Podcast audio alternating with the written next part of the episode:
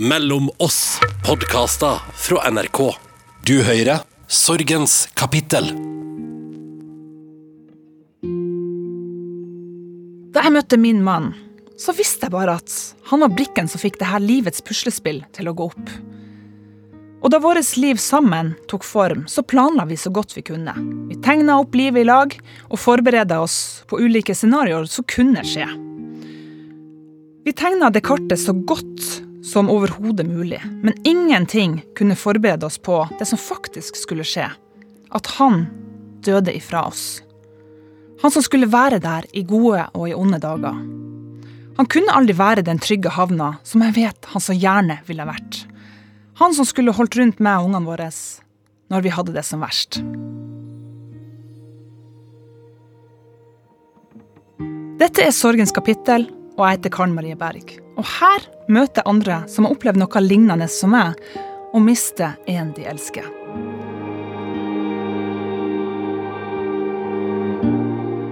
Da Solveig Kloppen og Kjartan Brygger Bjånesøy lovte hverandre å stå ved hverandre i tykt og tynt, i gode og i onde dager, en gyllen sommerdag i 2005, da ante de ikke at deres samliv og ekteskap skulle bli så til de grader utfordra av sorg og død. Og det er så lett når de gode dagene regjerer.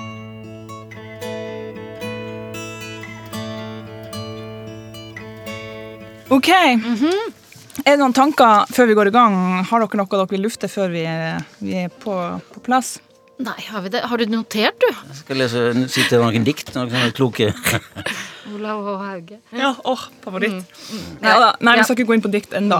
Kanskje du kan dra en underveis. Jeg skal lese ifra, jeg skal lese ifra boka. Boka.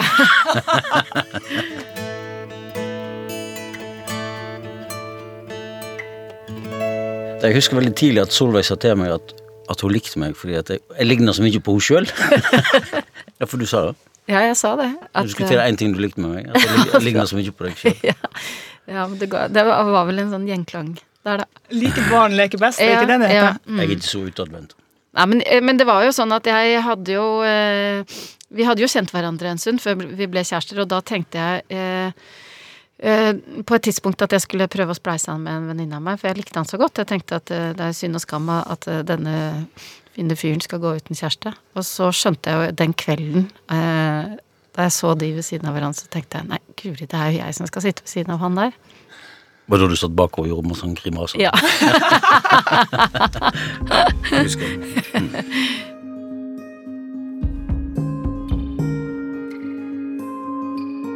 Altså, hvis jeg skal karakterisere eh, Kjartan med ett ord, eh, så ville jeg sagt vestlending.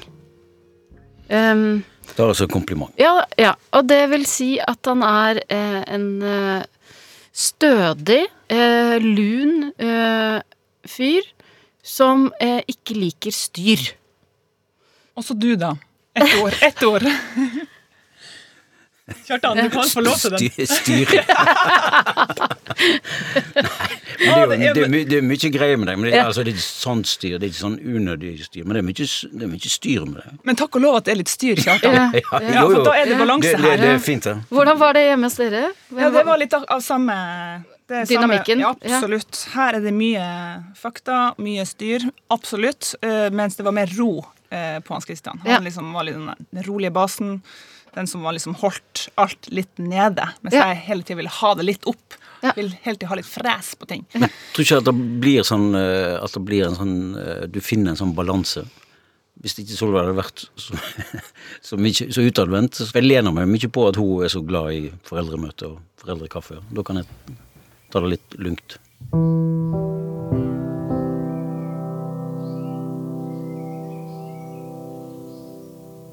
Og det er sånn det skal være. denne magiske balansen. Men når det vonde skyller innover oss, det er da vi settes på prøve. Hvordan vi er med hverandre når vi har det vondt, når vi ikke klarer å være rasjonelle, og sorgen tar bolig i kroppen vår. Og det visste ikke disse to, Solveig og Kjartan, den dagen de sa ja til hverandre. Fordi valg av livspartner, og den som står der når livet røyner på, det er jo definitivt en kombinasjon av både kjærlighet og flaks. På få år får Kjartan sin pappas slag, og han blir aldri den samme igjen. Så dør hele Solveig sin originale familie. Mammaen, pappaen og så søstera Katrine. Foreldrene til Solveig de var forholdsvis gamle, men det var ikke Katrine. Hun skulle ikke dø nå, bare 50 år gammel, men hun gjorde det likevel. Fordi hun tok livet av seg. Vi var ikke forberedt på det som kom. Eh, det var jo noe annet enn vi hadde sett for oss.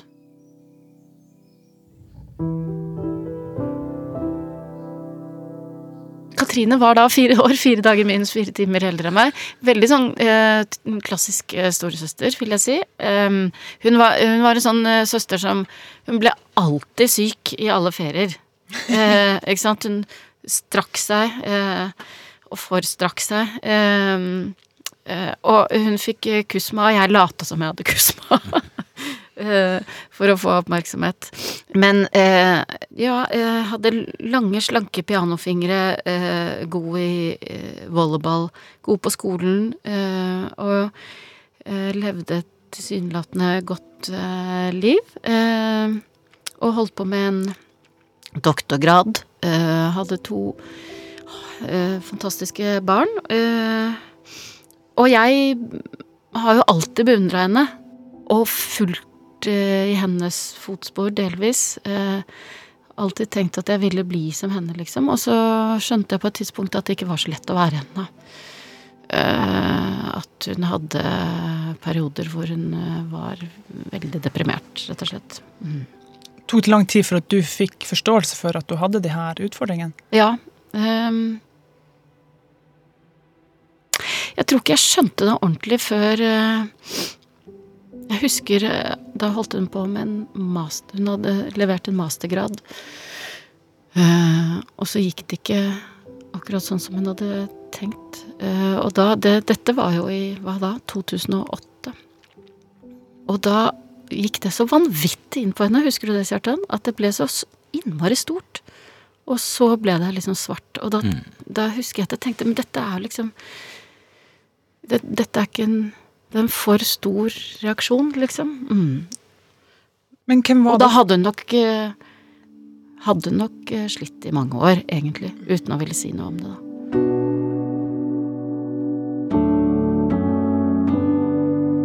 Dere var jo nære, mm. men likevel så valgte hun ikke å fortelle det. Ja, og jeg har jo tenkt mye på hva det handla om. Jeg, jeg ante jo ingenting. Nei. Før ganske seint. Nei. Og, og, og, Så skjulte det jo godt ja, for og hun, hun, Jeg tenker jo at hun hadde egentlig ikke så lyst til at jeg skulle være så tett på sykdommen hennes heller. Øh, men at øh, hun var nødt til å ta meg inn på grunn av barna sine, da. At hun trengte meg. Øh, men jeg tror at det var At hun delvis liksom skamma seg over å ikke takle livet, rett og slett. Ja, og at hun derfor hadde lyst til at færrest mulig skulle vite om hvordan hun hadde det.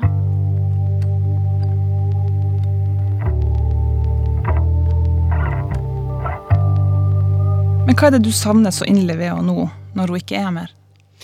Jeg uh, savner mye. Jeg har det fortsatt sånn at jeg, uh, jeg ringte henne ofte du vet eh, når man har fått barna av gårde til skolen og barnehagen, og så den der å rydde opp eh, etter frokosten, da hadde jeg ofte henne på øret. Og fortsatt kan jeg ta meg og tenke at åh, nei, nå skal jeg ringe Katrine, og så Nei, guri. Hun er ikke her. Det er liksom å for det første, eh, å snakke om stort og smått. Men også er det selvfølgelig det at eh, mamma døde jo, og i vår døde pappa også. Eh, jeg har jo mista livsvitnet mitt, liksom. Hun som eh, jeg kunne ringe og spørre så, Du, hvordan var det der med tante Berit og den derre sølvkanna igjen? Jo, jo, nei, det var sånn Å ja, guri. Nå er det ingen Nå vet jeg ikke hvem jeg skal spørre, rett og slett. Eh, Men, det, er mange, det er veldig mange sølvkanner igjen. ja, ja, Ja, men det Hvilken ja, sølvkanne er det egentlig ja. mener? Og mugge og vase. Ja, ja. Det er ingen som kan korrigere meg på den måten hun uh, gjorde, da. Mm.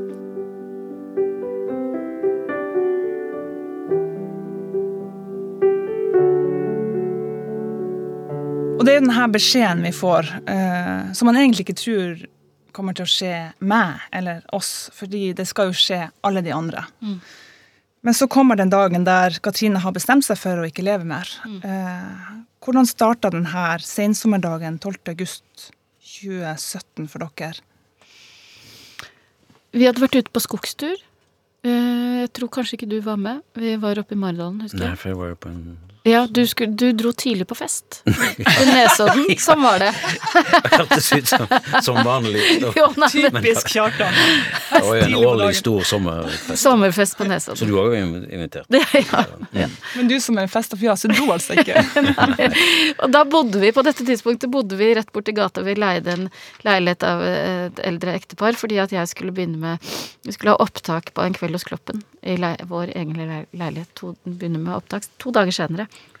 Eh, så eh, jeg tilbrakte kvelden der sammen med barna. Og så, mm, sånn i halv to-tida, så våkner jeg Eller først legger jeg merke til at Kjartan ikke var kommet hjem. Og så ser jeg på telefonen, og så ser jeg at eh, niesen min, Marie, på 15, har ringt mange ganger. Og så har jeg fått en melding fra Katrines bestevenninne Grete, som skriver Katrine Katrine er borte. Eh, vi får ikke tak i henne. Har du hørt noe? Eh, og da mm, ble jeg umiddelbart eh, veldig redd, eh, fordi at det var så ulikt Katrine. Og da hadde hun sagt til Ida og Marie, niesene mine, at hun skulle ut og spise middag med eh, en venninne. Du ringte meg, Jeg ringte deg. og det er Mm. kanskje Du pleier jo aldri å ringe og si at jeg må komme hjem fra fest. Eller det hadde du ikke gjort siden rett før Albert ble født, men uh, jeg skjønte at jeg skjønte det var Skjønte det var alvor. Ja, Eller da kom jeg hjem. da kom du hjem. Da husker jeg, for da jeg sto opp, og det eneste jeg fant, det, det jeg fant, var en, en fotballtrøye som tilhørte Albert. En altfor liten Manchester United. ja, fotball det tok jeg på meg, og så øh, gikk jeg opp i stua øh, og satt og venta på deg, og så husker jeg bare den derre De har en klokke i den stua som tikka. Så husker jeg bare liksom det, at jeg følte at på hvert tikk øh, så så tenkte jeg jo at øh, sjansen for å finne henne i live minker, da. Hvorfor var det at du tenkte den tanken der? Nei, nettopp det. Fordi at det, og, og da hadde hun vært eh, Hun ble veldig dårlig påsken eh, før. Um, så hun hadde vært øh, syk i flere måneder. Um, og liksom kommet seg Jeg trodde vel kanskje at hun var liksom på vei opp, Ja. Mm, oppover. mm. Men det hadde tatt mye, mye lengre tid enn det pleide å ta. Så um, jeg hadde en dårlig følelse, da. Så ligna det ikke henne å ikke si ifra. Hva skjedde så, da? Nei, og så ble det en øh, jakt på henne, og en øh, Og så var det så fortvilende Ikke sant. Jeg, de, hun bodde jo i Bergen. Uh, jeg var i Oslo. Uh, og jentene, Ida og Marie, var i leiligheten deres i Bergen. Faren deres, uh, som Katrine var skilt fra, var i Nord-Norge på ferie. Så de var på en måte alene i den leiligheten. Hadde det helt forferdelig. Sant? De var livredde. Eh, Så vi prøvde å, å si til politiet at de må bli sendt, dere må sende dem til farmor og farfar, som bor litt utenfor Bergen, men, men politiet ville at de skulle være der eh, til de ankom. Til de? For politiet sa ganske raskt at eh, vi kommer med hund eh, og begynner å søke etter henne. Så jeg var jo så fortvila på deres vegne òg.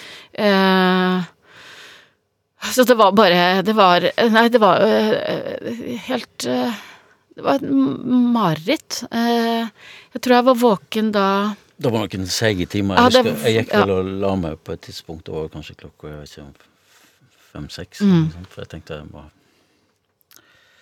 Ja. Man lader batteri til det som kommer? Ja, jeg skjønte vel kanskje at eh, Ja. Og det var jo en veldig sånn eh, det her var vel en, Da var det blitt søndag. Ja. Det var en veldig eh, varm dag. Mm. som hadde lovt eh, barna våre at vi skulle ut og bade. Mm. Så jeg var egentlig på vei for å hente noen pakker en badebag. Og når jeg kom tilbake igjen, da, så møtte han sønnen meg på trappa. Og så sa han at eh, de har ringt fra politiet. Tante Katrine er funnet på et hotellrom. Nei, da ringte de rett før klokka elleve, da. Um, og jeg tror jeg fortsatt gikk rundt i den T-skjorta, uh, men jeg husker at jeg satt på trappa ute i hagen der. Og da de um, uh, sa at hun var død, så um, var det jo som om alt uh, revna, rett og slett. Uh, og jeg husker det derre hylet som jeg bare har hatt to ganger tidligere. Som kommer fra helt innerst et sted. Um, og, og Albert så, eh, kom ut og satte seg ved siden av meg, så sa han eh, Mamma, kanskje vi skal gå inn? Og så løp han da av gårde for å finne deg. Og så kom du, og så husker jeg at du sa For da var jeg eh, jo i sjokk. Jeg husker jeg sto på kjøkkenet, og så sa du nå må vi, nå må vi samle oss. Eh, Nå må vi holde rundt hverandre. Og så, og så var det en liten blå, trang eh, sofa i den stua. Så vi satt alle fire eh, tett inntil hverandre. Eh, og så husker jeg at Klara lente seg mot meg, og så hviska hun eh, Pust med magen, mamma. Pust med magen. Prøv å tenke på noe fint.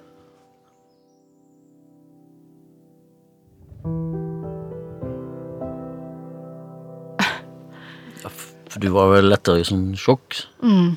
så jeg bare tenkte Og, og så jo de eh, Albert og Klara var der, så tenkte jeg tidlig at vi må bare, invol må bare involvere det være helt sånn åpen. For jeg, jeg vet ikke hva du Du var jo ikke helt tilregnelig. Nei. Så jeg bare husker jeg ble veldig Jeg ble bare våken og tenkte at jeg må prøve å opprette en sånn normalitet. Det er rart du blir veldig rasjonell. Eller jeg ble i hvert fall, for jeg, Og du, du var det jo ikke. Nei. Men du ble ikke redd, Kjartan? Eh, nei. Nei, da ble jeg veldig klar. Jeg syntes jo det var helt grusomt, men jeg tenkte at det her er en, Jeg har en annen oppgave enn å rakne. Det, jeg tenkte jo mest på, på min egen flokk, da. At um, det her er jo noe som de jo kommer til å ta med seg videre. Så sånne ting kan du ikke forberede deg på. Og så husker jeg det At du At du tok jo telefonene da til Du var den første som fikk beskjeden. Eh, Så jeg måtte vel ringe rundt til familie og venner. Det husker jeg ringte rundt. Det er jo forferdelig tungt å ringe rundt og fortelle. Men da hadde akkurat Klara lært seg å spille gubben nå på piano. Så hun spilte den. Hun hadde jo fått så mye skryt for eh, at hun kunne. Så jeg ringte rundt til alle familievenner, og så hørte jeg du, du, du, du, du, du. om igjen, om igjen. Hun hadde jo sikkert bare lyst til å glede oss, men, eh, men den, sitt, eh, den har fått en annen betydning.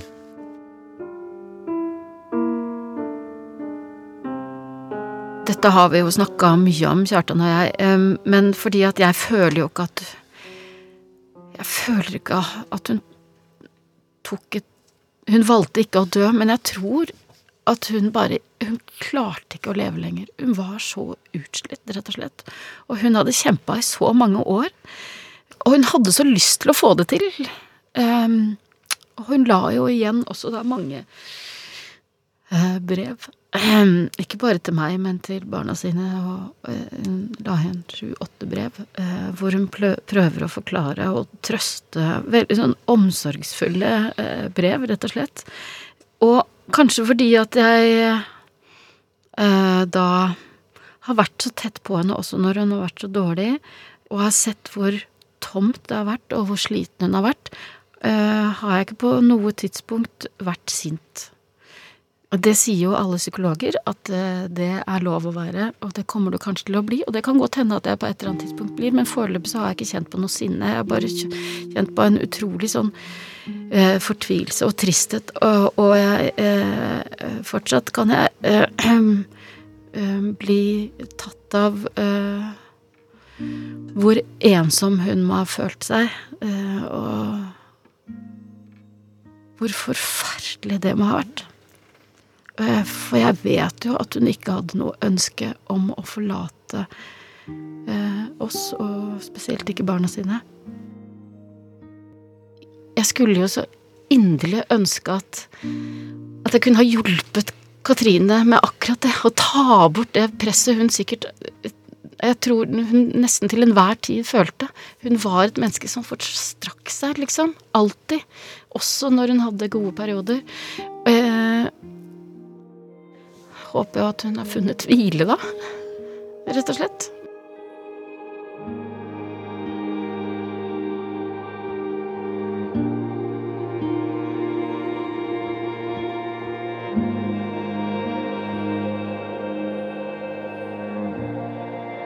Og du gjorde jo alt du kunne. Det var jo mange år at du bare slapp alt i henne hvis eh, hun var dårlig og trengte hjelp. Så reiste du jo bare Det tok det ikke mange minutter før du pakka kofferten og reiste. Nei, Og vi hadde jo småbarn, så jeg Ja. Det er jo jeg det er jo, Jeg syns jo det er litt sånn komplisert sorg, som vi har jo snakket en del om.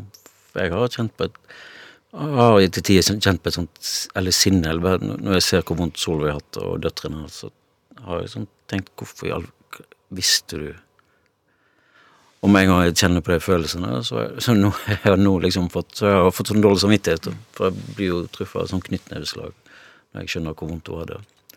Ja, for Men, det men eh, sånn, for jeg tenker ikke Jeg har jo spurt henne er ikke du sint? Og det der at eh, du har jo ikke vært sint. Men så har jeg òg fått hørt at det der jeg kjente på et slags sinne, at det er helt normalt og lov. For jeg ble nesten sånn skamfull at jeg kunne kjenne på et sinne når jeg så hva som Hvor, hvor vondt så mange hadde. Det er så mye Man skammer seg så utrolig mye over så mange Ja. følelser man får eh, i kjølvannet av, av død. Men da jeg fikk beskjed om at Hans Christian var funnet død, han var jo savna ganske lenge, så var jeg tre timer og en, med bil eh, og en times flytur unna. Så jeg var liksom så desperat etter å komme dit der han var, selv om han var jo ikke mer. Men jeg ville være nært han med en gang. Eh, hun- Katrine var i Bergen, dere var i Oslo. Hvordan Mm. var det her for dere? Nei, jeg kjente jo at jeg hadde et enormt behov for å dra til Bergen eh, med en gang, ja. Eh, ikke minst på grunn av nesene mine. Eh, så mm, i stedet for å pakke badebag, så pakka jeg jo eh, en reisebag. Men da har jo jeg gode venninner som eh, Vibeke, som eh, Du har jo veldig masse gode venner. Ja. Og det var bare hun, hun skulle jo feire dattera sin bursdag samme dagen, men hun bare sa jeg ja. eh, følger deg til Bergen. Mm. Og det skjedde på veldig kort tid Ja. at du reiste. Det var flere som sa det. Ja. Eh, Det kan følge deg over. Ja. Så Vibeke fløy meg over, rett og slett. For da tenkte jeg at du er ikke i stand til å reise sjøl, så heldigvis så ble hun med deg. Mm. Så det var egentlig det beste som kunne skjedd, at du bare At du bare reiste. Ja. Jeg husker når jeg så Jeg, Jeg tenker jo sånn eh, tips jeg fikk tidlig i livet om både glede og sorg, at du må skrive ned alt. Så jeg husker den kvelden etter du hadde reist, når jeg snakket med deg på kvelden, så husker jeg bare skrev så Så det er dette som er sorg. For jeg hadde ikke opplevd det Altså, jeg, da skrev jeg jo på den boka mye om far min som ble tatt av alderdom og sykdom, men eh, det kan jo ikke sammenlignes. Men det er jo de her øyeblikkene som er brent fast i hukommelsen fra denne dagen døden kommer. Hos meg så har jeg det her bildet av ungene spesielt. Eh, for at mens vi går og venter på svar, for han var jo savna i mange timer, for han hadde jogga ut eh, og ikke kom tilbake. Så står jeg liksom oppe på bakken der ved mamma sitt hus, og så ser jeg ned til naboene. Så der ungene er, for Vi holdt dem der nede, sånn at ikke de skulle ta del i den her desperasjonen og det her krisegreiene som inntreffer hos oss. da. Og der ser jeg så tydelig som ungene det Kveldssola ligger sånn, sånn gylden, legger sånn gylden skjær over, over den bygda der jeg kommer fra. Og så er det liksom, så springer ungene rundt med sånn kjepper over hodet for å få bort de her måsene som har lagt reir like ved nabohuset der. Og det hvines og det ljomes og det flires, og de har det så fantastisk bra. Det er liksom sånn optimal sommerlykke. Og så står jeg bare der og så ser ned på dem, og så tenker jeg sånn «Åh, Dere må bare få lov til å være så lenge i i den der bobla der. For at snart så kommer livet deres til å, deres til å forandre seg for alltid. Hvor gamle var De var fem og seks og et halvt. Ja. Så det var et sånn um, Hva man skal si, sånn marerittbilde som var så utrolig vakkert, men så forferdelig samtidig. Em, men hvilke øyeblikk sitter dere mest igjen med fra denne dagen? De her glimtene? Ja, nei, det er er fortvilelsen til Solveig. Og jeg skjønte jo at det her kommer til å Nå Der forandrer livet seg. Eh,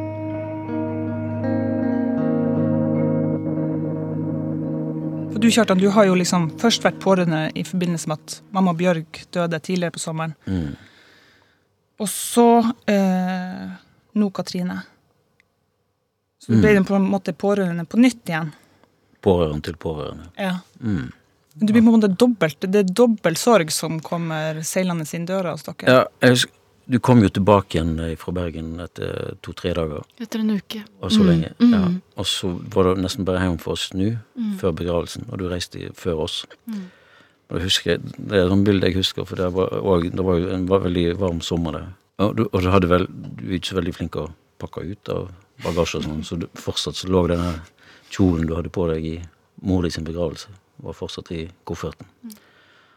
Og så bare jeg huske at du du har alltid altfor svær koffert, uansett hvor lite du skal reise. Men jeg husker du, når du skulle reise igjen, så hadde du på deg en veldig sånn fin, blomstrete sommerkjole, og så, så sto jeg på kjøkkenet og så at du gikk i taxien og du dro den store, svarte kofferten med deg i, over singelen. Mm. Jeg tenkte det er altfor tung bagasje. Og det var vel bokstavelig talt. Mm. For du var jo, du var jo du var jo fortsatt helt sånn knust. Mm. Du var jo skjerpa, men jeg, du var jo ikke til å kjenne igjen. Og det var jo helt ok. Mm. Jeg husker bare følelsen av å, å være så tung, liksom. Ja, men du, du er ikke så veldig høy fra før, men da var du bitte, bitte Mm. Du var den skrumpa.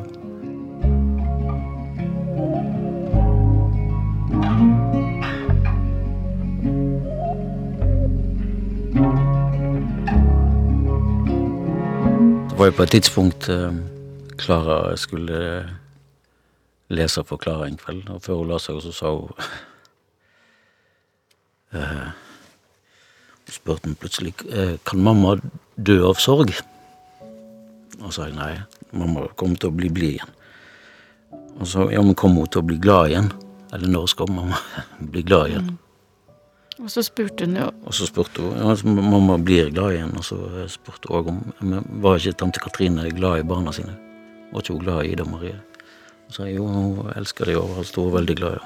Og så, sånt, hun var jo redd for at Det samme skulle det skje. samme skulle skje. Og den frykten satt nok i eh, ei stund. mm. Og for hun spurte jo også kan du bli like syk som Og tante. spurte kan du bli like syk som tante Katrine. Mm.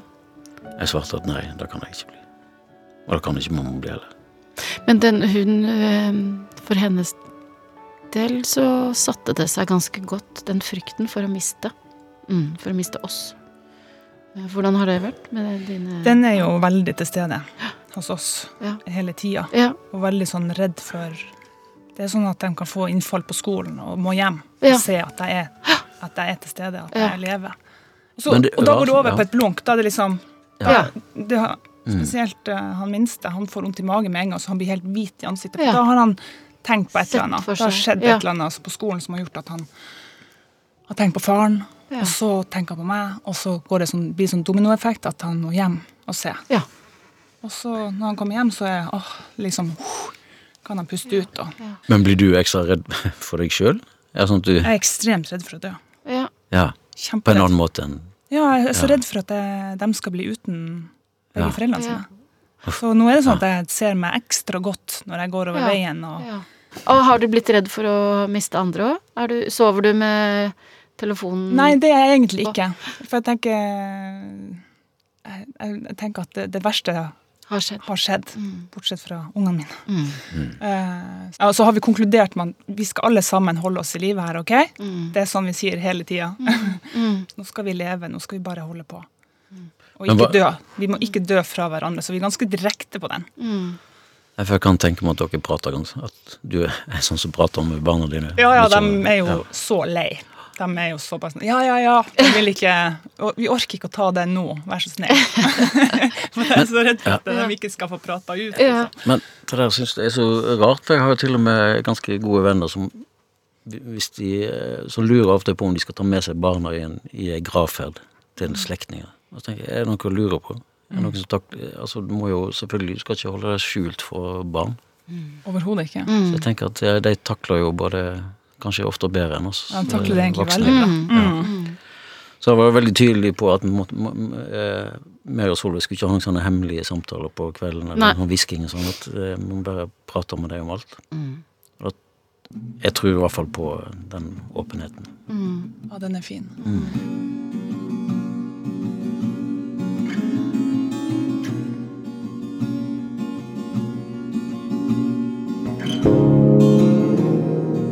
Kjartan, du er jo på en måte nå, Du sa i stad at eh, livet Der forandra livet seg. Mm. Du er jo den pårørende til Solveig. Hvordan var den rollen å få den i fanget? Nei, eh, sånne ting vet du jo aldri før, før det skjer, men da tror jeg kanskje jeg har arva noen gode egenskaper fra min egen far, som eh, alltid var den som var veldig rolig når- det skjedde en krise. Han var jo sjømann og har vært med på masse forlis. Jeg husker når det brent i nabohuset, så var han den som var helt rolig og fiksa. Så jeg tror kanskje at jeg har fått eh, At jeg ble veldig rolig og veldig fokusert. Men det er en ganske sånn eh, Det har jeg tenkt på om å snakket en del i etterkant, at det er en litt sånn ensom rolle, dette her. Fordi at det var jo ikke min sorg. Det, eh, um, og så måtte, måtte, måtte jeg måtte leve opp til forventninger om en som er i sorg. Eh, du, du møtte jo eh, Du møtte jo kanskje folk av og til på en annen måte enn jeg. Og du var jo veldig sånn åpen, og du sendte, sendte vel en mail til alle foreldrene i barna sine klasser og sånn. For meg var det veldig viktig at folk visste. Ja, jeg er kanskje mer at jeg vil klare meg sjøl. Mm. Det er Vestlandet, det her. Ja, ja, det er det. Mm. Ja, men fikk opp Rolige sinn. Ja, Jo, ikke så mye styr. Nei, ikke, ikke la noe styr. Nei. Så, sånn, når folk møtte meg sånn, med hodet på skakk og hadde lyst til å gi meg en lang klem, folk som ikke kjente så godt, så syns jeg det, Altså, det gjør ikke meg Det er hyggelig, ja, men jeg, jeg trenger ikke det. Så jeg Nei, det, nei. Nei. Mens du uh, syns det Tar imot. tar imot det. Ja. Mm. Men det er jo men folk mener jo bare godt. Men det er jo en, en oppgave du får, som du må håndtere. Ja. Ja, nei, jeg tenkte jo bare at min oppgave nå eh, gikk vel litt sånn i kampmodus. Jeg må bare opprette en sånn normalitet med håndball og fotball og skolegang og alt. du, jeg tenker jo at du eh, forble jo i den rollen. Den, den han som sa 'nå må vi sette oss i sofaen og holde rundt hverandre'. Mm. Du klarte jo Klarte jo det. eh, Å holde oss samla, liksom. Um, Jeg husker også i- i bisettelsen det der øyeblikket, sant, eh, som er så forferdelig når man har båret ut kista og skal eh, Den skal kjøres av gårde. Eh, Da føles det jo så endelig. Og da husker jeg også at du sa Ja, det var Albert som sa, sønnen vår, han sa Han sto vel på sida av og sa han sa, 'Pappa, nå faller, nå faller mamma'. Ja. ja, men, Da husker jeg at du også sa «Å, Holde rundt hverandre. Og ja, jeg klarte det da. Å holde rundt oss. Det var ganske lett. Det er sant. det er sant.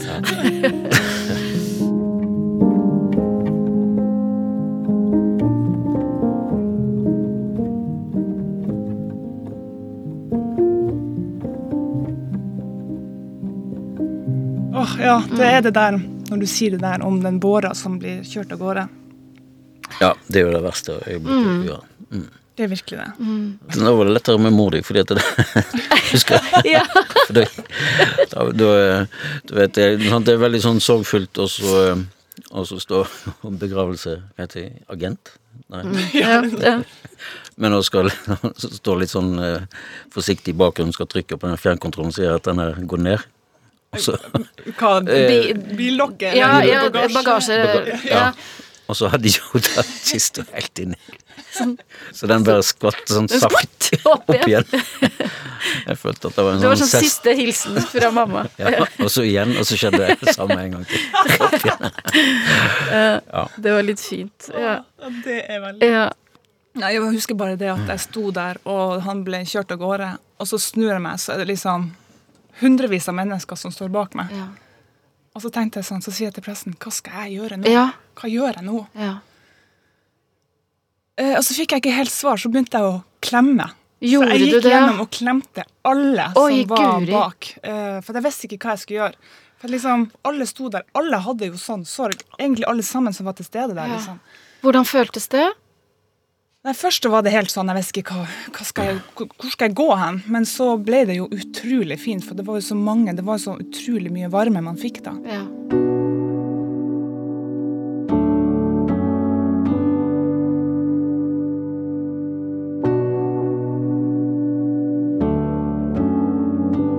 Men det er liksom de her um, rollene som Ja. dere har tatt, uh, som vi snakka om i stad. De personene dere er i hverandres liv, de kommer liksom til syne når, når Katrine dør, og, og sorgen er dobbelt og altoppslukende. Mm.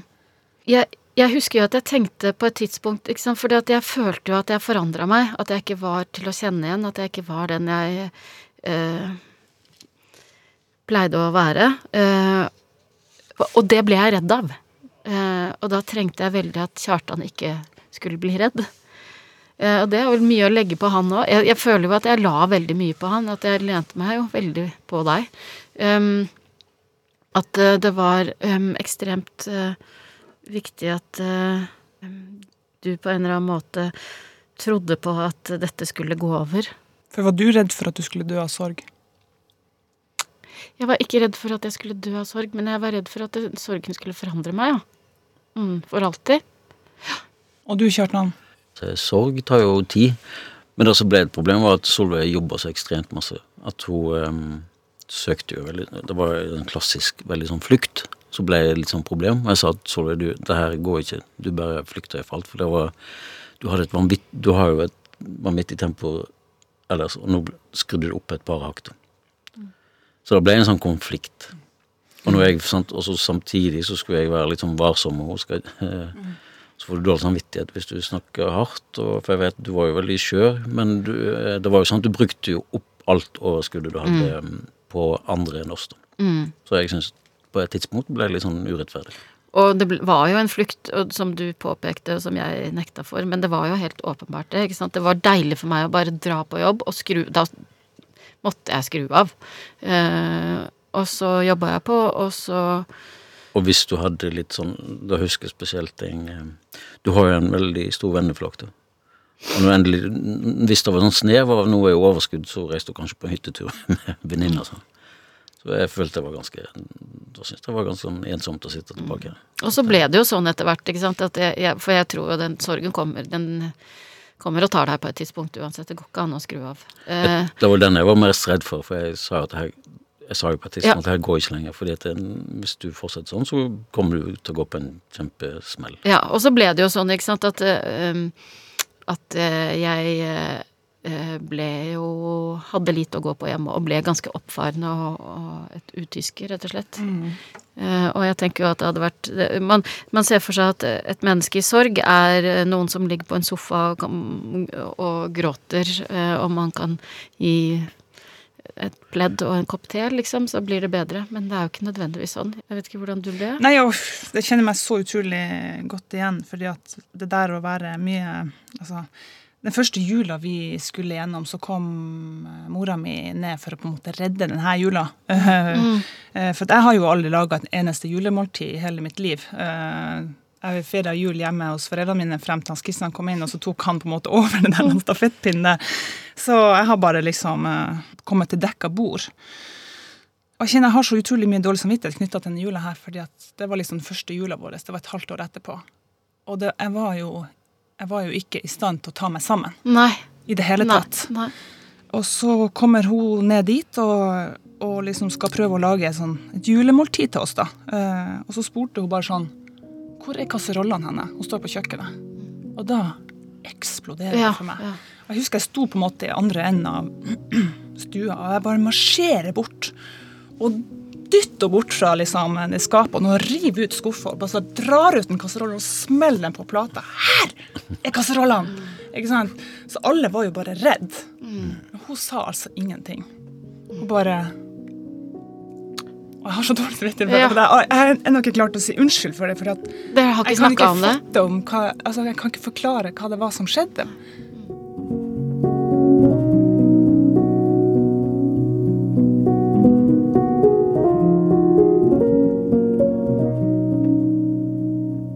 Men det er jo det der at man er ikke så særlig god utgave av seg sjøl med de folkene som virkelig vil deg bare ja, vel. ja, det er helt Eh, forferdelig. ja. Ja.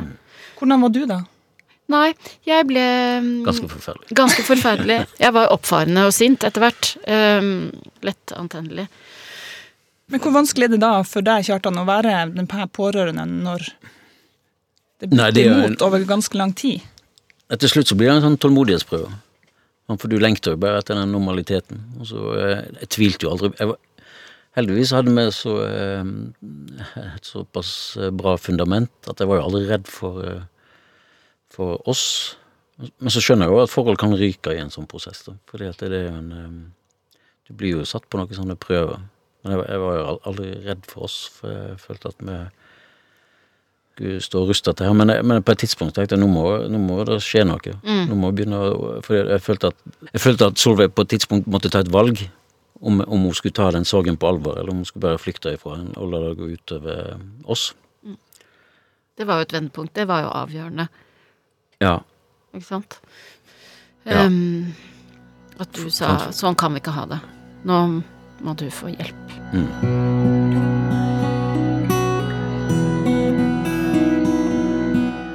Du laga jo en serie som heter 'Det jeg ikke fikk sagt', Solveig, som ble sendt på TV2 halvannet år etter at du mista ja, både mammaen og søsteren din på veldig kort tid. Og det her er jo en, en dokumentarserie som handler om at mammaen din har en umulig kamp mot denne kreften. Og så avsluttes det med at Katrine har tatt sitt eget liv. Hvordan var det å dele det her innerste mørket som du opplevde i livet med resten av Norges befolkning? For utgangspunktet for den serien var jo ikke meg Det skulle ikke handle om meg i det hele tatt. Eh, Jeg hadde lyst til å lage en serie om død og sorg. Eh, eh, Og så ble jo mamma syk. Og da kjente jeg jo at det var unaturlig å ikke, ikke fortelle den historien. Og så ja, skjedde det som skjedde. Eh, Og, og for meg var det veldig viktig, eh, og det det var jo også noe vi snakket om da. For det at for meg var det viktig å gjøre det mens jeg var i det. Eh, og ikke snakke om tiden som har vært, men eh, prøve å formidle hvordan man har det her og nå, liksom. Det var jo eh, på et vis eh, krevende, samtidig som jeg tenker at Og det, det var ikke Jeg tenkte ikke på det der og da, men jeg tror jo det har virka helende, egentlig. At det var eh, fint for meg. Men det vanskelige var jo egentlig stå Kjartan og meg, og, og eh, fordi at Kjartan var jo skeptisk til den serien. Jeg husker så godt, Kjartan, at uh, vi møttes ute på byen, jeg og du. Uh, det her var sensommeren 2019. Du var på byen da òg, vet du. og da hadde vi altså funnet oss en benk og ei øl hver, og da snakka vi om sorg. eh, om den sorgen og de vi hadde mista. Og da sa du noe til meg som Jeg kjente det grep meg så i hjertet. For at du var så inderlig lei deg for at du ikke hadde støtta Solveig nok da hun laga denne dokumentaren. Ja, nei, jeg var ganske motstander. En ting var jo at, eh, en ting var jo at hun jobba så mye med andre ting. At én en ting var mengden av jobb. Men så var jo, du var jo ikke i balanse, så tenker jeg, skal du utsette deg for Det, det er jo så privat og personlig og alt. eh. Og så tror jeg Og så vet jeg jo, jeg er jo eh, Jeg har jo jobba mange år som journalist. Og så vet jeg jo her med at en profilert person som skal fortelle om den tunge tiden og sorgen, er jo er jo en vanskelig øvelse ofte. Og så tror jeg, hvis det hadde blitt noe sånn motstand, hvis du hadde møtt noe sånn sterk motstand på den serien, så akkurat der så Du er ganske robust med å tåle selvfølgelig motstand, da må du jo, men akkurat på, på den tingen så tror jeg kanskje ikke du hadde Det var kanskje det du var aller mest redd for. ja, at ikke du hadde takla det så godt. Så tenker jeg herregud, skal jeg bruke så mye Og så, og så kommer det bare til å føre til mer trøbbel. Men hvordan opplevde du det at Kjartan ikke ville egentlig at du skulle gjøre Nei, denne serien? Da har du jo Hun er veldig sta. Så du bare holder på uten egentlig å fortelle om Ja, for hva dette, som da, på et skjer. tidspunkt så tenker jeg da, da, da ja, snakker jeg ikke så mye om det med Kjartan. Det er det jeg da ja. Beklager å avbryte, men, men jeg ville jo ikke Jeg vil jo ikke at vi skulle være med. At ikke jeg skulle synes, og ikke barna mine synes. Men så på et tidspunkt så sa Solveig du, jeg har lagd denne serien nesten i og Ikke helt i skjul, men nesten. Og så sa hun kan ikke du være så snill at du bare ser på et par episoder. Og så tenkte jeg selvfølgelig, jeg vil jo at det skal gå bra, så jeg så på de episodene. Og så så du jo veldig, da så det ut som du var helt alene i verden, så jeg tenkte at jeg må jo vise at du har en familie. Men så ble jeg jo litt sånn, men så ble jeg jo litt sånn forbanna, fordi eh, da hadde jeg mast så lenge om at Solveig, det her er en flukt, du jobber for masse. Og hun bare nei, nei, det her er ikke en flukt, jeg har full kontroll. Og så en av de første scenene jeg ser, er at Solveig sitter på, kjøkken, eh, sitter på kjøkkenet vårt og gråter til kameraet og sier at åh, det jeg holder på med, er jo en flukt. Altså du er jo mer åpen og tro, tro mot et TV-kamera enn til sin egen mann. Som, jeg, eh, som var egentlig opps, veldig sånn oppsummerende for hele den her Men stakk det? Stakk Ja, den- ja, den kjente jeg på. Jeg ble, Ja, det var ganske vondt. Ja, jeg syns det, fordi at den, da hadde jeg ma Det var så opplagt, at jeg, men jeg har fått sånn motstand på at det, det er ingen flukt. Men til TV-kamera så kan du Nå er du jo veldig god venn med TV-kamera, men eh, at, Så god venn. så god venn. Ja, så den syntes jeg var litt vond. Må jeg innrømme. Men i ettertid så er jeg jo, er jeg jo veldig glad for den eh, serien. Jeg, eh, men et, et, at jeg var som motstander, tror jeg handler mer om omsorg for, mm. for Solveig. Og så burde jo jeg helt klart ha jeg tenkte- involvert og inkludert deg eh, på et tidligere ti- Eller ikke bare ja, skjøvet deg unna, da. Ja, men, men så, hvorfor fortsatte du likevel, selv om Fordi at jeg tenkte at det var viktig, eh, og at jeg hadde lyst til å gjøre det. Eh, men jeg orka vel ikke den motstanden fra starten, så da lot jeg ham du bare finner han ut? Ja. ja. det er taktikken din. Der fikk du den.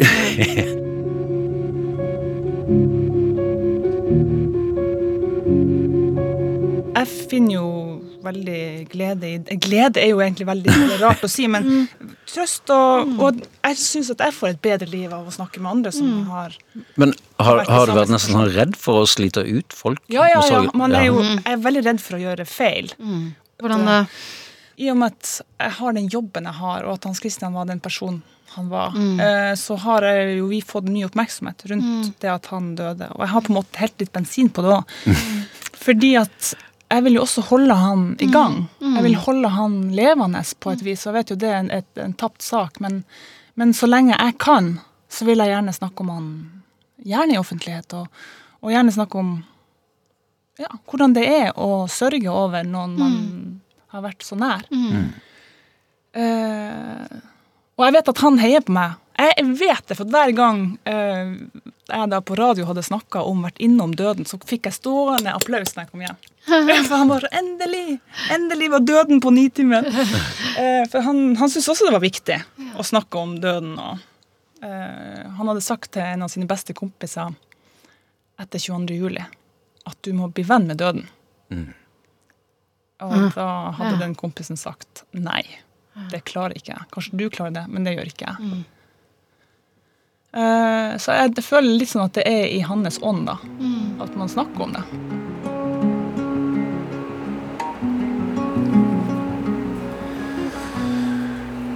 Og hadde Han- dere to snakka om døden? Masse. Ja. Og rett før han døde også. ja.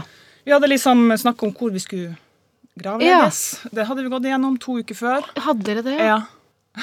Så jeg vet jo at eh, jeg hadde tatt et riktig valg. Ja, men liksom- ned på detaljnivå. Altså sånn hva man vil ha av Ja. sanger i begravelsene. Nei, det, sånn, men om vi skulle kremeres eller om vi ikke Ja, skulle kremeres, ja. og, og hvilken kirkegård vi skulle ligge på. Ikke sant? Ja. Mm. Ja, Hvor, hvilket sted i landet skulle vi ligge. ja, ja. ja, det, ja, ja. det er greit å ha på plass. ja der har jo vi en kjent ut. ja. Og dere har gjort, eh, vært gjennom det samme?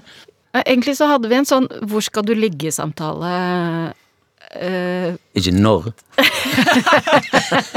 skal vi snart gjøre det? Nei, ikke den samtalen. Nei, det er en annen podkast. Ikke den. Men uh, uh, hvor, skal, hvor skal graven være? Ja. Det, den hadde vi jo for mange år siden. Ja. Da vi var i Austevoll, der du kom fra. Mm. Det er en veldig fin sånn kirkegård i Austevoll, som på Storebø, der jeg vokste opp. Så gikk vi Det er sånn kirke jeg er døpt og konfirmert og omgift og så det. Så gikk vi på den kirkegården og besøkte besøkt besteforeldrene mine og sin grav, og så sa Solveig plutselig Er ikke rart å tenke på at ikke du skal ligge her? Og så bare sånn Hæ?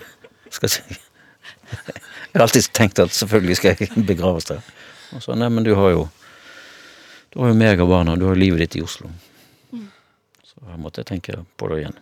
Mm. Men nå tenker jeg jo egentlig at vi skal dit alle mann. Og såpass? Å ja. Det er nytt for meg. Mm. Ja, da fikk vi tatt den samtalen, da. Ja. I dag òg. Ja. Oh, Det er så godt at vi får tatt de der samtalene i denne podkasten her. Og så vil jeg kremeres.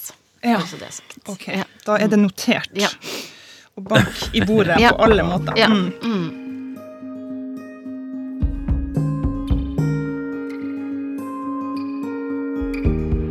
Eh, Da jeg sto på kjøkkenet vårt i august 2018 Vi skulle totalrenovere vårt eh, hjem, og vi hadde allerede begynt på det. Liksom, kjøkkenet var revet ut, eh, alt av liksom, møbler og alt, og varmeovnene var tatt ut. Så det var liksom altså det Jeg sammenligner det som et sånn ubebodd hus.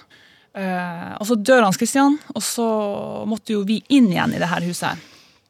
Og liksom Murpussen hang ned fra taket, og det, altså, det så altså ikke bra ut. Men våre venner, de, de, den dagen det her ble kjent, så dro alle sammen opp og så tømte garasjen og boden og fikk møblene og det inn igjen. Det var sånn annen lukt, annet, et annet liv. Og så står jeg på det her kjøkkenet her, og så står jeg egentlig og ser ut, ut og så Og så eh, ser jeg plutselig at det kommer noen inn oppkjørselen vår. Det er en sånn sped kropp i en sommerkjole med en pose i begge hendene. Og denne posen her var altså fylt med pizzasnurrer. Jeg så ikke helt hvem det var, så jeg går ned og åpner, og der står altså du, Solveig. Med tårer i øynene. For vi kjente jo ikke hverandre engang. Nei. Nei. Vi hadde jo bare møtt hverandre gjennom jobben. Ja.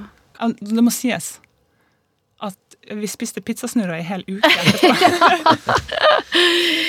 Men hva det var som fikk deg til å Nei, for dette jeg, Orker de pizzasnø å komme opp til oss med Nei, for f- fordi at eh, ikke sant, Man leste jo om deg eh, og Hans Christian, eh, og jeg følte så inderlig med deg, og hadde nok min egen sorg så veldig fortsatt i meg.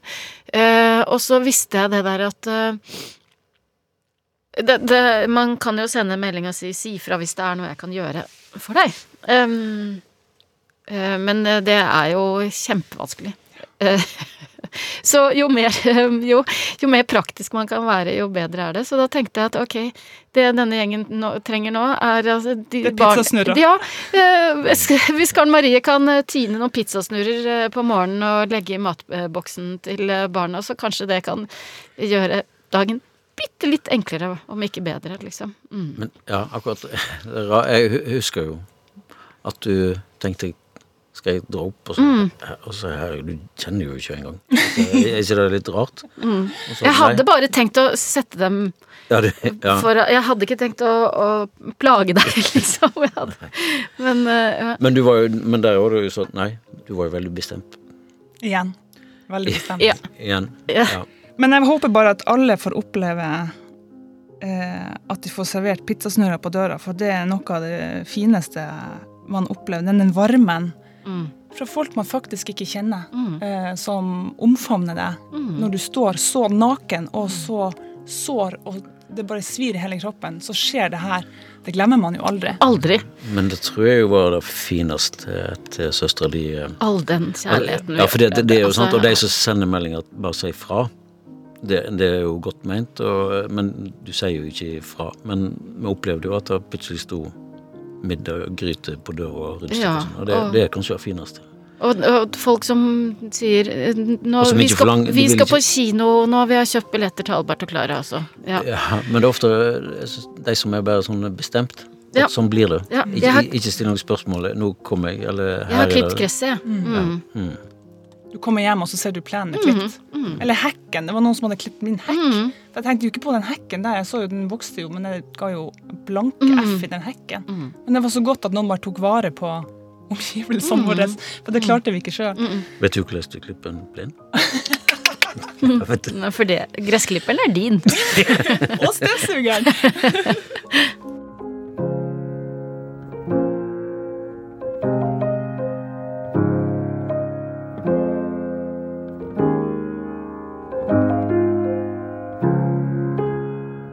Men det er jo det her i gode og onde dager. Eh, hvordan hadde denne sorgen vært uten hverandre? Hvordan hadde den vært å håndtere hvis ikke du hadde hatt Kjartan? Solveig? Nei, hvem skulle holdt rundt oss da? Det orker jeg ikke å tenke på engang. Eh, For det, det var jo følelsen av at nå revner alt, og så klarte Kjartan å holde det sammen, da. Holde det og oss sammen. Mm. Så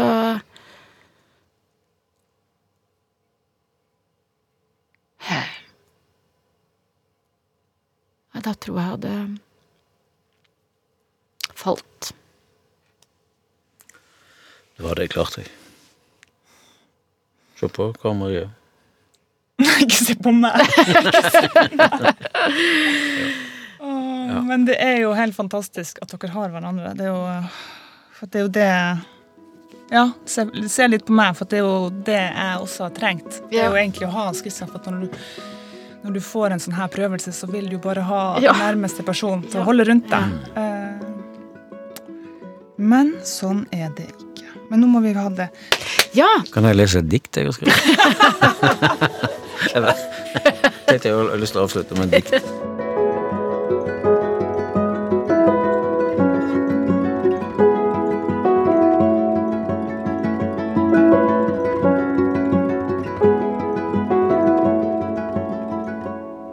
Du har hørt en podkast fra NRK. Du kan nå høre alle episodene i denne serien i appen NRK Radio.